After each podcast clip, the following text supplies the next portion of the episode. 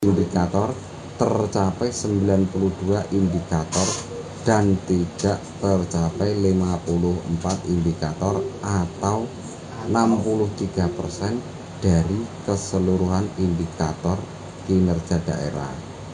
Sedangkan indikator kinerja misi tahun 2020 dari 24 indikator tujuan tercapai 15 indikator atau 63% dan dari 108 indikator sasaran tercapai 62 indikator atau 57%